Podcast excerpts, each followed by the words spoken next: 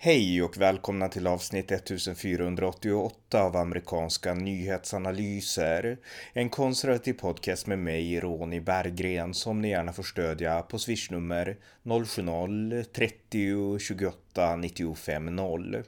Här följer en uppdatering om det senaste i USA tillsammans med min kollega Björn Nordström. Varmt välkomna! Björn Nordström, välkommen! Ja, tack så mycket. Eh, vi ska uppdatera lite om det senaste som hänt i USA och eh, det allra senaste, det som det har skrivits mest om i alla fall här i Sverige, det är ju hela den historien med Joe Rogan, podcastern och Spotify. Kan du uppdatera om det senaste? Ja, det är väl ett par artister till nu som har plockat bort sin musik från Spotify um, därför att de är väl arga på att han tjänar mycket mer pengar än de gör. Men det beror ju på att han har mycket mer lyssnare än de har också. Va? Så det, här är en, det här är en business det handlar om. Så att han får mycket mer betalt. Men å andra sidan så har han väl då 11-12 miljoner lyssnare varje, varje podd typ sådär som betalar pengar för att lyssna. Så att det är väl ett ekonomiskt beslut. Jag tror han också gick ut. Eh, en grej nu som har hänt senaste dag, dygnet bara, det är att tydligen så är han anklagad för rasism nu. Eh, det har framkommit eh, klipp nu för i början av hans podd som han sen tog bort tydligen men de har tydligen kommit upp till ytan igen att han sa några saker och ting. Han, han skämtade om svarta eh, och sa några saker som jag vet inte, jag har inte hört allihopa, men han anklagade för rasism i alla fall.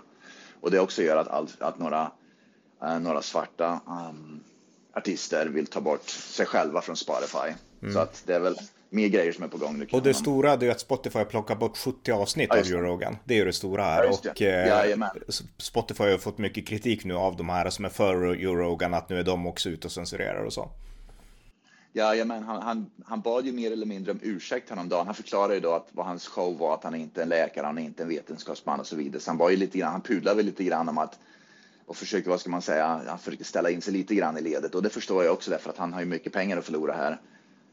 Så han var liksom inte den tuffing som man trodde han skulle vara med det här utan han, han pudlade lite grann. Men i alla fall nu så har efter pudde han gick ut och pratade om så har de plockat ner de här och de har även då satt, Spotify har även satt upp en, vad ska man säga, en varningstext som det, inom på, liksom det ska finnas varningstext nu på på en triggervarning i princip då som ska, det här kan vara ett program som är bla bla bla, ska man då varna människor för att lyssna. Va? Så att det här är liksom, uh, ja, vad ska man säga, man tillfredsställer då, vad ska man säga, den här äh, snöflinge gruppen då som, som måste ha en varningstext för precis allting för att de är livrädda då för att höra hur verkligheten kan låta eller hur de, de är livrädda för andra åsikter. Oavsett vad åsikterna är, om de är korrekta eller inkorrekta, så är de livrädda, livrädda för att lyssna på vad andra människor har att säga om någonting. Ja, men det, men det är synd för Spotify. Det kändes ju som att från början stod de upp för Rogan och nu när en grejerna går fram, en ordet som man använder, då, yeah. då har de liksom, ja, då, då har de lagt sig platt också, Spotify.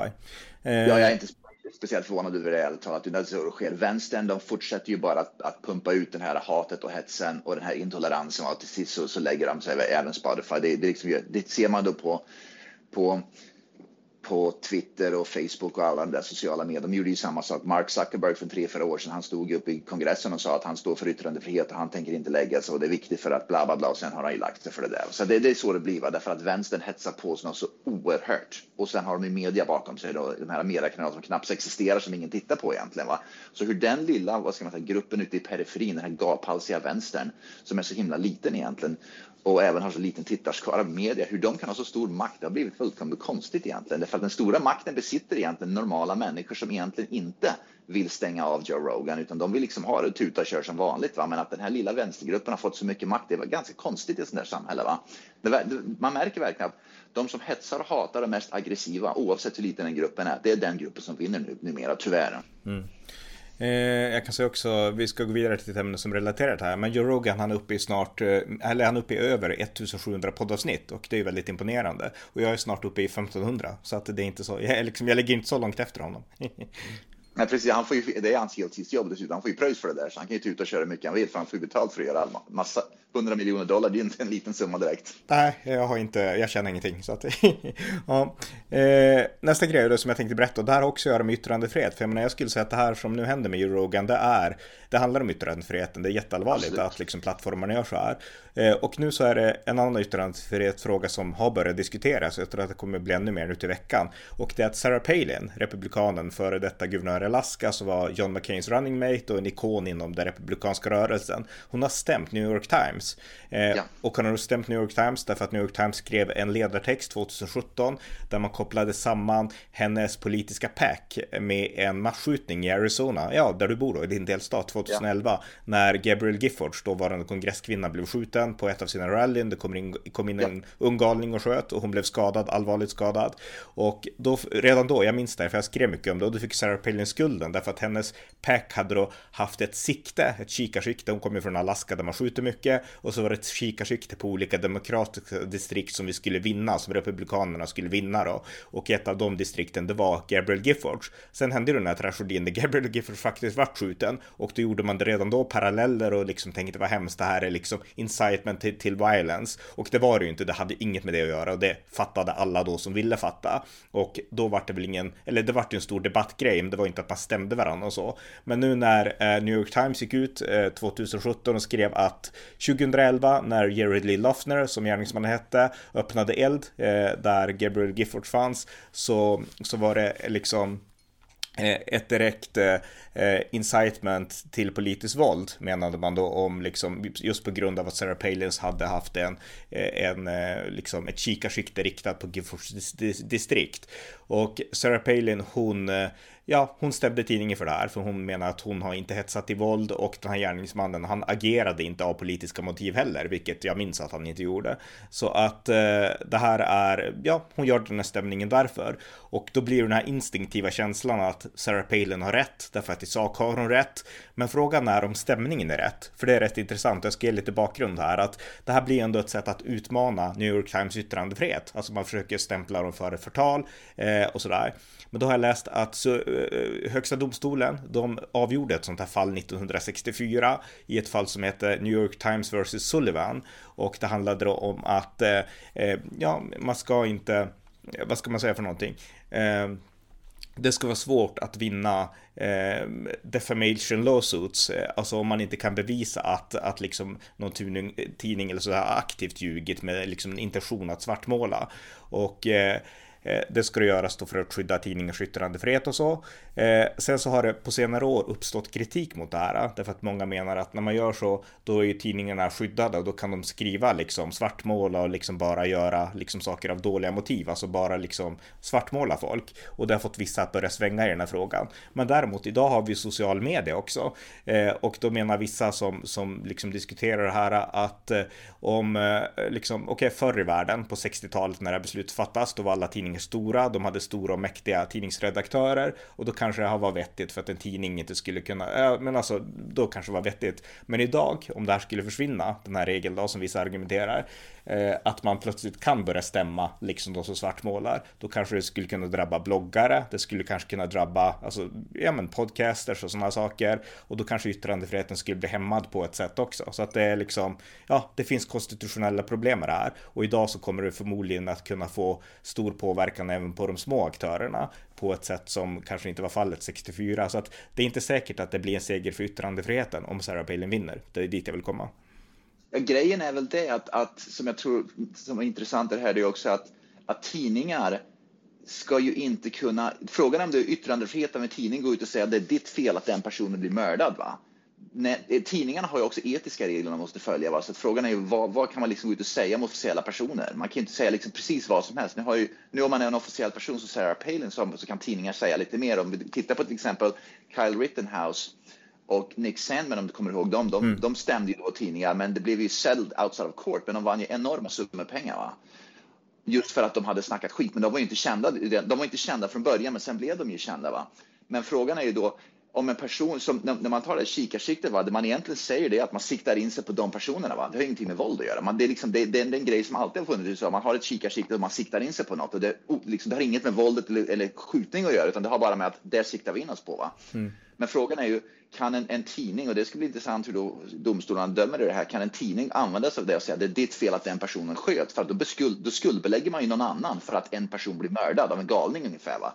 Och det, någon gränsen måste kunna gå någonstans. Det ser vi ju i svensk media, hur svensk media har hetsat och hatat och piskat på stämning mot Sverigedemokrater och, och sagt alla möjliga vidriga saker. Va? Och då kommer det undan med att yttrandefriheten, yttrandefriheten ungefär. Va? Så att det finns ju också någon gräns där man måste hålla media ansvarig för när de säger fruktansvärda saker som är rena lögner, där man anklagar även politiker då för enormt allvarliga saker. Media måste kunna hållas eh, ansvarig på något sätt. När, det, det, det, går en gräns när media måste hållas ansvarig och vi får se hur det döms nu. Va?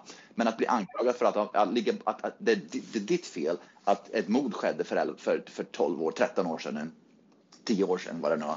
Det, det, Ja, det ska bli intressant i alla fall. Men media måste kunna hållas ansvarig även de, oavsett yttrandefriheten. Jag, jag håller helt med dig. Det, bara, det ska bli intressant också att se alltså, om det utnyttjas för att slå, slå ner mot mindre aktörer också. Liksom. För vissa menar ju att det är bra om vi avskaffar det här, för då kan vi stoppa det och så kommer med fake information och sådana saker om liksom allt. Skillnad, skillnaden ja. är om det är till exempel New York Times, det är en officiell mediekanal va, som har då, de, de har ju förhållit sig då till vissa regler. Mm. Du som en poddare förhåller ju inte till de reglerna därför att du är inte officiell. Du har ju liksom inte skrivit under de här journalistgrejerna då som man måste vara ansvarig så att officiella journalister, officiella medieaktörer då som New York Times, CNN, Fox News, MSNBC och så vidare och så vidare. Va? De tillhör den mediegruppen som har skrivit under princip att, att vi ska förhålla oss på ett visst sätt. Det är, Joe Rogan har aldrig skrivit under något sånt där. Han är, han, han är inte en publicist. Jag tror det typ liknar publicist, vad ska man säga, mm. publicist. Uh, uh, agreements eller någonting man, man liksom går med på. Va? Och när man förhåller sig till publicist agreement då, då förhåller man sig också till att jag kan bli stämd för sådana här saker därför att inom publicist agreement så har jag också utlovat att jag ska ta ansvar för det jag säger och att jag inte ska säga någonting som är uppenbart felaktigt eller lögnaktigt eller missledande och så vidare. Och så vidare va? Ja, precis. Ja, vi får fortsätta följa det här. Jag läste om det här nyss nyligen så att jag, är liksom, jag har inga bestämda åsikter hit och dit utan det ska bli intressant att följa. Jag ska försöka sätta mig in mer. Eh, har vi något annat? Ja, jag såg eh, nyheterna i morse i alla fall. Vi, ser att antalet, andelen, eh, antalet polis, liksom, eh, folk som överfaller och ger sig på och mördar poliser ökar ju bara här i USA. Uh, jag såg att siffran för uh, 2020 så var det över 60 000 polis, polismän här i USA som blev våldsamt attackerade. 2019 var det 56 000, så antalet våldsamma attacker på poliser har ökat med 4 000 under ett år. Uh, mellan januari och september 2021 och statistiken då som är officiell för den så dödades det 59 poliser här i USA. Det är ingen som snackar om sånt här, utan allt det här med Black Lives Matter, det är bara de här små fåtal fallen när poliser gör något fel. Va? Men det här enorma brutala våldet som sker mot poliser på öppen gata. Det är liksom, media rapporterar knappt om det, Black Lives Matter helt fullständigt ignorerar det. Jag såg att här i Phoenix så var det en, en, det var en person som en svart person som försökte uh, stjäla en bil. Och så kom polisen dit och skulle attackera polisen. Den svarta personens 13-åriga dotter, 13-åriga dotter, går i sjunde klass typ då, började attackera poliserna, började våldsamt ge sig på poliserna och började slå mot poliserna för de skulle an anhålla då, jag tror det var pappan eller något sånt där, för att han försökte stjäla en bil. Va? Mm. Och de då slog henne tillbaka. De, de försvarar sig helt enkelt mot den, mot den flickan va? för att hon var våldsam attack. Och helt enkelt, och nu är Black Lives Matter media ute med att, att poliserna har attackerat den. Liksom hela story-narrativet är att polisen attackerar en 13-årig flicka utan att förklara vad för tusen som hände innan. Och det är fruktansvärt det som sker. Va? Det här med att poliser kan då attackeras kors och tvärs och ingen bryr sig och sen använder man sig av narrativ när en person attackerar en polis. Då blir narrativet att personen då, när polisen, vad ska man säga, försvarar sig, mm. då är det poliserna som gör någonting fel. Va? Det, det, det, det, liksom, det, är inte här, det här är liksom inte hållbart i längden här i USA. Att det liksom går till en bristpunkt och vi ser det i New York City nu. Jag såg att i New York har ju då massor med brott nu. Brotten har ökat där. Jag såg att Joe Biden var i New York och höll ett tal. Tydligen var det ett väldigt sömnigt tal där han inte sa, sa någonting om någonting. Han skulle inte lösa någonting. Va? Men han, till och med Biden förklarade i sitt tal i New York att brott, brottsligheten i New York har nu gått över gränsen, det måste göras någonting. Han kom ju inte upp med någon lösning, han stod ju där och tittade på klockan hela tiden, ungefär som att när, när får jag gå hem och, och ta min tupplur ungefär. Men att han i alla fall åkte till New York nu för att prata om, om, om våld, våld, våldsbrotten där visar att, att det finns någonting som, som är fel i, i liksom brott, de här brottsliga städerna. Va? Mm, och, vi kan komma, ja, och vi kan komma ihåg att alla polisfackföreningar, speciellt i New York, endorsade Donald Trump för han kampanjade på Law Order 2020. Så att, eh, ja. Eh, men en sak till också, det här har vi pratat om förut, men jag bara slänger ur. Alltså om det är en sån här stämning där man alltid ska hetsa mot poliser, då måste ju, dels blir det värre därför att det liksom ger eh, liksom incitament för brottslighet, men poliserna själva måste bli trötta och liksom, det kan inte vara kul att bli liksom polis i USA med en sån här liksom omgivande mediemiljö. Det är, det, är en, det är enorm polisbrist här i USA faktiskt. Uh, poliser vill inte, människor vill inte bli poliser längre. Folk säger upp sig. Vi har pratat om det förut. Mm. Man går, poliser går i pension mycket tid. Man vill inte bli polis i USA. Det är liksom ett lönlöst jobb. För man vet att gör man sitt jobb så kommer man bli hetsad och hatad och, och liksom uthängd i media för att på något sätt då vara rasist och attackera svarta när det är helt andra saker som ligger bakom det som pågår. Och, och kriminella då drar nytta av sånt där naturligtvis. För kriminella personer, de, de, de det ser vi nu, vålden mot polisen går upp. De hetsar, det, polisen de är ute på gatorna. De attackerar just nu. Det är även här i Arizona så ser man ju det, runt om hela USA. Polisen attackeras ju. De, människor på gatorna, ofta svarta, för de vet att de kan få det här rasistgrejerna med sig då. De går ut och provocerar poliserna på gatorna och liksom ger sig på poliserna med våld enbart för att provocera fram någon slags mot, motreaktion då för att sen det ska hängas ut i media som att rasister, poliser är rasister. Va? Det är helt fruktansvärt det som sker. Fruktansvärt. Ja, ja det är faktiskt... det, här, ja. det som jag tror människor inte begriper och vänstern begriper ju inte sånt här. Va? Det, jag menar, Kina och Ryssland vet ju att sånt här pågår. Va? De eldar ju på det här. Kina och Ryssland, jag tror var, bägge de, de lägger ut såna här grejer i, i social medier för att hetsa på naturligtvis stämningen. För de vet ju att det bästa sättet man kan göra nu för att destabilisera USA så att USA inte kan lägga sig i Ukraina eller det som Kina pysslar med liksom på den globala fronten. Va? Det är att man eldar på det här rashatet, polishetsen och allt sånt där så att USA får alldeles för mycket problem eh, inom landet för att kunna bry sig om det som sker utanför landet, om du förstår vad jag menar. Va? Mm, ja. och det, så där, Kina och Ryssland tycker det här är ju toppen för dem. Va? Mm. När, när det gäller Ukraina, va? USA, det, många bryr sig inte om det som sker i Ukraina här i USA, därför att det bara hetsas, hatas och tjatas om rasism och poliser och hit och dit och allt det där. Va? Så Ryssland kan, kan i princip Ryssland kan bokstavligen invadera Ukraina och det är ingen som märker det därför att folk är så upptagna med det här så kallade citatet rasismen och polis, polis och allt det där. Va? Mm. Så det är fritt fram för Kina, Ryssland Iran och allt det där. Ja, och ett konkret exempel på det, det här är liksom som jag läste nu innan jag ringde, det var att 2018 eh, så startade USA någonting som heter eh, eh Justitiedepartementet under Jeff Sessions, Republikanerna, då startade något som heter China Initiative för att undersöka alltså det Kina gör för att infiltrera amerikanska företag och för att liksom, ah, okay. liksom på något sätt påverka, göra sina påverkansoperationer i USA. Det vill Justitiedepartementet liksom utreda och man skapar en egen myndighet som heter China Initiative och de har arbetat med sånt sedan dess. Fortfarande finns de. Men då finns det ju såklart de här lobbygrupperna i USA från vänstersidan såklart som menar att det här är rasism och det här är liksom, ja, liksom e-, etnisk stigmatisering av kineser. Och de här, det här leds av en, en kongresskvinna, en demokrat som heter Judy Shu från Kalifornien. Hon har säkert kinesiskt påbrå. Och så leds det av en, en annan person också, en, en eh, kongressperson. Och eh, de har skrivit brev till nuvarande justitiedepartementet, Garen Merlick, att de vill att det här ska avskaffas just för att det är liksom, det pekar ut liksom kineser som liksom, ja, femte kolonder och liknande då. Eh, men det intressanta är, det är att Kina, alltså det riktiga Kina då, de har applicerat den här retoriken och de citerar ja. de här kongresskvinnorna i sina, liksom, Kinas eh, talesperson, Chao heter han för, för Kinas liksom utrikesdepartement. Han, han citerade det här i Kina på en presskonferens och så sa han att USA är ju liksom, ja, de stigmatiserar etniska minoriteter och så här och vi har ingen respekt och så. Så jag menar, de gör verkligen det här aktivt. De blåser upp det som händer i USA för att USA ska splittras internt. Ja, ja det hör man. Det. Vänstern här i USA är ju Kinas och Rysslands absolut liksom bästa fotsoldater. Liksom. De är ju verkligen ut, utnyttjas av de där länderna utan ens begripa det. De här mm. vänstern här i USA, utan begripa att de blir utnyttjade av just sådana där syften. Att allt de gör är att upprätthålla de här kommunist och regimerna då som är i andra länder runt omkring i världen därför att de, de, de tror sig de begriper inte att det är kommunistdiktaturen som ligger bakom. Det har ju inget med etnicitet att göra, en kinesisk etnicitet. Det, ju, det här handlar ju om en kommunistdiktatur och med liksom politik att göra, inte om etnicitet. Men det begriper ju inte vänstern helt enkelt. Allt handlar om ras enligt vänstern. Mm. Och en sak till som har med just Kina att göra, det är att som vi pratar om att det är OS i Kina, du har väl kanske catchat upp lite om det nu liksom. Men, men eh, i alla fall Nancy Pelosi, hon har varnat amerikanska OS-idrottare från att uppröra Kina. Hon vill liksom, för deras säkerhets skull säger hon, så vill hon inte att de ska provocera Kina. Och Eh, ja, det låter ju som en inställsam inställning till Kina. Ja, jag såg att Coca-Cola, Coca-Cola för ett par år sedan, de uh, gick ut i en kampanj för att i Georgia hade ju någon slags um, uh, election law, det var election laws då som, som håller på här i USA. Man pratar ju om att, att man vill göra om liksom election laws i alla mm. fall. Men i alla fall Coca-Cola som är från Georgia kritiserar Georgias election laws. Men samma Coca-Cola som kritiserar Georgias election laws kritiserar inte utan tvärtom stödjer Kinas diktatur. Kina som inte ens har öppna demokratiska val va? genom att pumpa, ut massa, pumpa in massa pengar i OS som rakt går ner i Kinas diktatur. Va? Det är helt otroligt. Man kritiserar sig själv på hemmaplan. Man kritiserar demokratiska länder på hemmaplan, men, men diktaturer, då bara pumpar man in pengar i deras evenemang då.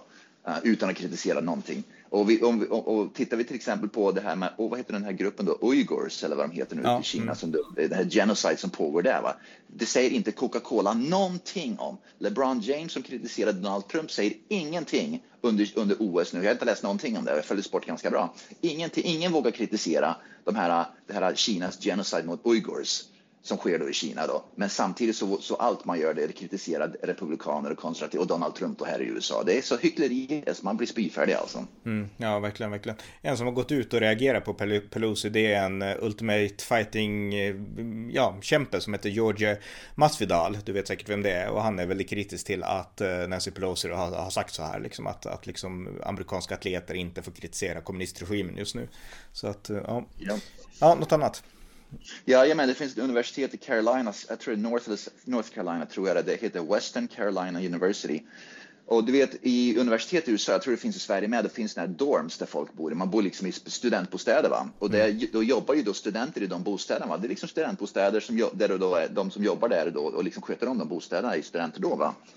Och i alla fall det universitetet har beslutat nu att man ska dela upp grupper baserat på ras. Så när man ska ha möten, så där bor det då svarta och vita, asiater och liksom latina, liksom alla olika typer. Men när man ska ha möten, när man ska då ha en sån här äh, studentbostadsmöte med eleverna som bor där, man ska till exempel prata om några nya policies eller vad det nu är, då ska man inte ha mötena baserat på ras. Då ska svarta ha möten för sig, vita för sig och så man, man, man delar upp. Snacka om en ny segregation, men tydligen så är det nu fler, många elever som liksom går ut och, och är skitförbaskade och säger att vi trodde att vi hade kommit, överkommit det här äh, segregationen av raser för ett antal år sedan när man helt enkelt inkluderar alla. Men nu ska det tydligen delas upp i raser igen, så nu återgår vi till segregationen som var genom rasuppdelning på frivilligt sätt. Helt vansinnigt alltså. Mm, och en perfekt beskrivning, för det är exakt en återgång till liksom rassegregation. Det är helt, ja, det är så bakvänt att det, det är vansinnigt. Mm.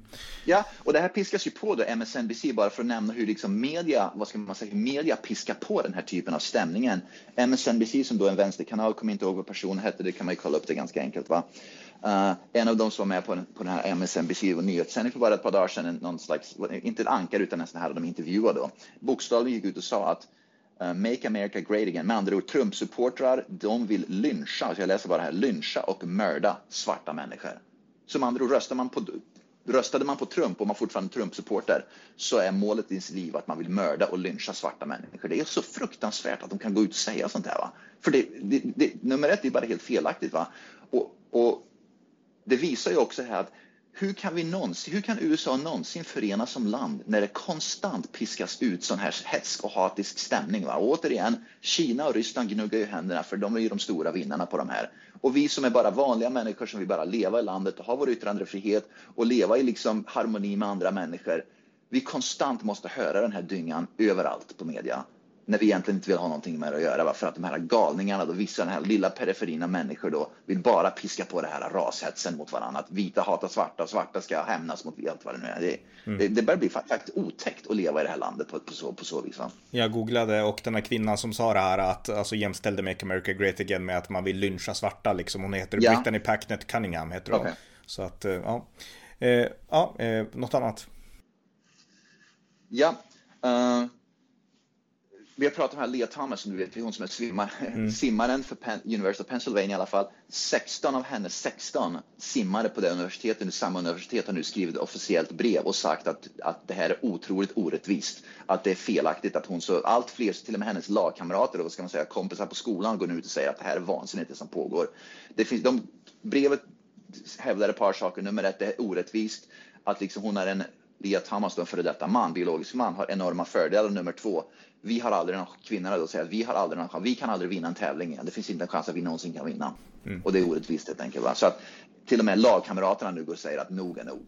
Ja, jättebra, jättebra. Det här måste verkligen lyftas. Och på tal om transgenders, det här har inte med USA att göra direkt, men lite grann. Det var att, eh, menar, USA är ändå ett land som är fritt, där man får leva lite som man vill, men nu har det varit i, i Kurdistan ett mord på en transgender person, där en man som har bytt kön till kvinna. Och det som är så intressant med den här personen då, det är att, eh, alltså i, i de här länderna så mördas ju sådana, det, det tillhör inte ovanligheterna. Men personen som mördade den här transgender eh, kvinnan då, om man säger så, eh, det var brodern som bodde i västra Europa. Så brodern fick höra, jaha, min brorsa har bytt kön, var pinsam för familjen, så att han bokade en flygbiljett från västra Europa och till Kurdistan, mördade sin, ja om man säger syster och bror och sen så drog han tillbaks igen. Så jag menar, jag menar Det var ett hedersmord. Vad sa du? Det var ett hedersmord typ. Ja, det var ett hedersmord. Men det är helt absurt det är att den här personen som mördade den här transgendern i Kurdistan bodde i västra Europa. Så att han hörde bara här, oj vad har hänt, jag måste hem och fixa mina bestyr. Och så drar han till liksom sitt gamla land, Kurdistan, och sen åker han tillbaks igen. Alltså det är helt, det är så sjukt att det är liksom, och det sjuka är såklart mordet, men också att Västeuropa kan ha sådana här människor liksom. Eh, liksom vi är helt blinda liksom för, för liksom vansinnigt. Och det är precis det här vi, precis, det är precis det vi sett med islamisterna att första generationens muslimska invandrare är mindre radikala än andra generationer som föds i Västeuropa. Så föds man i Västeuropa och blir så kallad västeuropé, då blir man mer radikal som islamist till exempel. Va? Och det visar ju fullständigt att, att det går inte att integrera vissa människor, att vi ska då pumpa in en massa människor från de kulturerna och tro att vi kan vända om det. Det visar återigen, det går inte. Därför att de, de, de är mer knutna till sin klankultur där de kommer ifrån ja. än än de är till västeuropeiska värderingar. Så ja, hit har de kommit av ekonomiska skäl, det är trevligare att bo här, inte för att de gillar våra värderingar. Ja, absolut så visst är det så. Mm. Det är ju återigen ett bevis på att det funkar inte att ta hit människor som helt enkelt har helt motsatta värderingar till vad vi har. Nej, exakt. Eh, fortsätt. Chuck Schumer gjorde ju bort sig kolossalt häromdagen. Um, han gick ut och sa att uh, han gjorde ett uttalande om amerikanska högsta domstolen. Han gick ut och sa att uh, Högsta domstolen i USA var bara massa vita män fram till 1981 och 1981 så var det Sandra Day O'Connor som var en kvinna då, en vit kvinna som blev tillsatt. Hon var den första kvinnan som hamnade i HD. Va? Men det Chuck Schumer gjorde bort sig så fruktansvärt, det var att han ignorerade att, en, att 1967 så tillsattes en HD-domare som heter Thurgood, uh, Thurgood Marshall. Han var en svart person. Som andra ord, han ignorerade den första svarta personen som tillsattes 1967 till Högsta domstolen och han antog att bara den första icke-vita mannen var Sandra Day O'Connor 1981. Och det är riktigt pinsamt för det han egentligen säger att han, han, han har ju antingen ingen koll på historien, vilket jag tror han har, eller så struntar han eller glömde han bort att en svart faktiskt har suttit i HD, sen satt i HD 1967. Va? Och hade det här varit en om det här hade varit till exempel Chuck Grassley eller en, en republikan i senaten, då hade media fullständigt brakat lös med att han är rasist och han ignorerar Thurgood Marshall som är en svart domare. Va? Men eftersom det var Chuck Schumer som en demokrat, då sa, in, då sa de ingenting om det. Då, då sopar man det totalt under mattan för att inte kan väl Chuck Schumer vara en sån som ignorerar att en svart har suttit i HD sedan 67 ungefär. Nej, nej exakt. Jag menar, det, det är intressant. För att bara häromdagen så gnällde man ju på eh, Mitch McConnell som är, han är väl typ 80 och han är ju liksom republikanernas Precis. ledare i senaten. Och han sa ja. någonting, jag minns inte det här i detalj nu, men han sa någonting som också har att göra med att han liksom, han, han pratar om liksom, eh, liksom han, han sa liksom blacks and americans i två olika sammanhang, ungefär som att yeah. det var två separata saker. Och alla fattar ju att han inte menar liksom att det var två, det fattar vem som helst. det var bara en ordgrej som kom ut liksom, eh, som kan komma ut ur vem som helst. Men det gjorde man en skitstor sak av jaha, du liksom separerar blacks from americans liksom. Och det gjorde han ju inte, Men, utan ja. Och det är det här som gör mig så fruktansvärt förbannad, va? När Mitch McConnell går ut och säger det, fransk, okej, okay, då blir han attackerad fullständigt. Men vanlig media, Black Lives Matter, gör ju ingenting annat. MSNBC, CNN, New York Times, allt de gör är att separera svarta från Amerika. Därför att de vill ha svarta som en egen grupp. Va? Så när de gör det, då är det helt okej. Okay. Men när Mitch McConnell råkar göra det av ett misstag eller inte, va? Mm. då genast blir de rosenrasande på det. Va? Så det visar det otroliga hyckleriet återigen att, att eh, man börjar fråga sig, är svarta en separat grupp från USA eller tillhör de USA? Hur, hur, ska, hur ska vi ha det egentligen? Vem är det som bestämmer hur ska vi egentligen ha det? Va? Därför att jag, jag, liksom, jag är helt förvirrad på vad, hur man är de amerikaner eller inte? Hur ska vi ha det? Ja. För mig är de självklart amerikaner, jag menar, det är inget snack om det. Och kan vi bara sluta hålla på med den här tramsen om, om utför och ras? Men den konstanta separeringen, men återigen som du nämner, det är ju det här betoningen när en republikan gör det, då blåsas det upp till en jättehatstorm. När en, republikan, eller när en demokrat gör det, då, då liksom sopas det under mattan. Och på tal om det här på corona, för att bara visa hur det är. Va? Jag nämnde i förra podden att John Hopkins University då, som är ex, extremt anrik vad gäller här, eh, liksom virusgrejer och framförallt corona då, släppte ju en, en, den här rapporten då att, att alla de här lockdowns och social distancing var värdelösa. Det har inte funkat någonting. Det var helt meningslöst att göra allt media, vänsterliberal media, CNN, NBC, går vidare och vidare, va, har totalt ignorerat den därför att den studien passar inte in i deras narrativ. Och deras narrativ har alltid varit att vi måste göra lockdowns, vi måste stoppa amerikaner, vi måste förbjuda människor för att bla bla bla allt det där. Va. Så när en studie kom ut från samma universitet som precis samma mediakälla har använts av samma universitet i, i ett par år nu som, som då auktoritet i ämnet, de dissar den helt, säger ingenting, låtsas som att ingenting har hänt, som att den inte existerar. Va? Det visar ju återigen när de pratar om follow the science, följ vetenskapen. Ja, man följer vetenskapen när det passar mitt narrativ, men när det går rakt emot mitt narrativ, då vill jag ignorera det och låtsas som att det inte existerar. Helt otroligt. Mm. Jag kan säga att den här studien här i Sverige har den inte ignorerats, utan här har man diskuterat på radion lite överallt om att liksom den här är, den är inte vetenskaplig och den är inte peer reviewed och allting liksom vad man säger. Så här har den snarare dissekerats liksom, för man varit väl chockad över att det kom den här studien. Så att här har man liksom försökt med den taktiken istället då. Men, men jag vill återvända lite grann till det här med svarta så här. Eh, jag minns att Thomas Sowell, han är ju jättekänd och svart konservativ yeah. liksom tänkare. Han är liksom väldigt smart. Nu är han väl, han är gammal nu, han är väl upp 90-årsåldern tror jag. Men, men yeah. i alla fall, han är en av de mest kända svarta liksom tänkarna i USA. Och han sa på tal om det här med att separera raser att ha liksom, och jag tror att även att Larry Elder, den här, vad heter han för något? Larry Elder heter han väl va? Har yeah, också gått ut och sagt att liksom jag är en svart amerikan, jag är inte afroamerican. Och sen har de berättat om hur begreppet afroamerican fördes in av de här aktivist, om det var liksom Al Sharpton eller liksom Jesse Jackson eller någon av de här liksom svarta aktivisterna. Det var de som började prata om afro-american, liksom just lägga till afro. Medan de här Larry Elder och jag tror även Thomas Sowell, de har sagt att vi är liksom inte afro-americans, vi är black americans. Vi har aldrig varit i yeah. Afrika, vi har ingen koppling till Afrika liksom, utan vi är amerikaner, punkt slut. Sen är vi svarta amerikaner. Men det är rätt intressant yeah. att aktivisterna, de har fört in det här med afro för att göra en distinktion. Ja, och det som man tänker är för det man sätter först, om man sätter afro first, det betyder att mitt första, min första identitet är att jag är afrikan. Och min andra identitet att jag är amerikan. Och det är jävla konstigt egentligen. Att man, att man liksom ser, har född och uppvuxen här sedan generationer tillbaka. Va? Mm. Men ändå så ser man sig själv som afrikan först. Det är jättekonstigt. Jag menar, det, ingen annan grupp gör ju det när folk kommer hit, det spelar ingen roll vilket land du kommer ifrån, asiater som kommer hit, de ser som amerikaner först. Va? Men det är just för att piska på den här stämningen. återigen, allt det sker det att man splittrar landet och det är konstant det här med att vi är en annan grupp, vi vill inte, men samtidigt, vi vill bli inkluderade, men vi är samtidigt en helt annan grupp som är exklusiva på ett helt annat sätt. Det är jättekonstigt det här som påstår, vänstern piskar ju på det här naturligtvis. Mm, ja, verkligen. Ja, har vi något annat?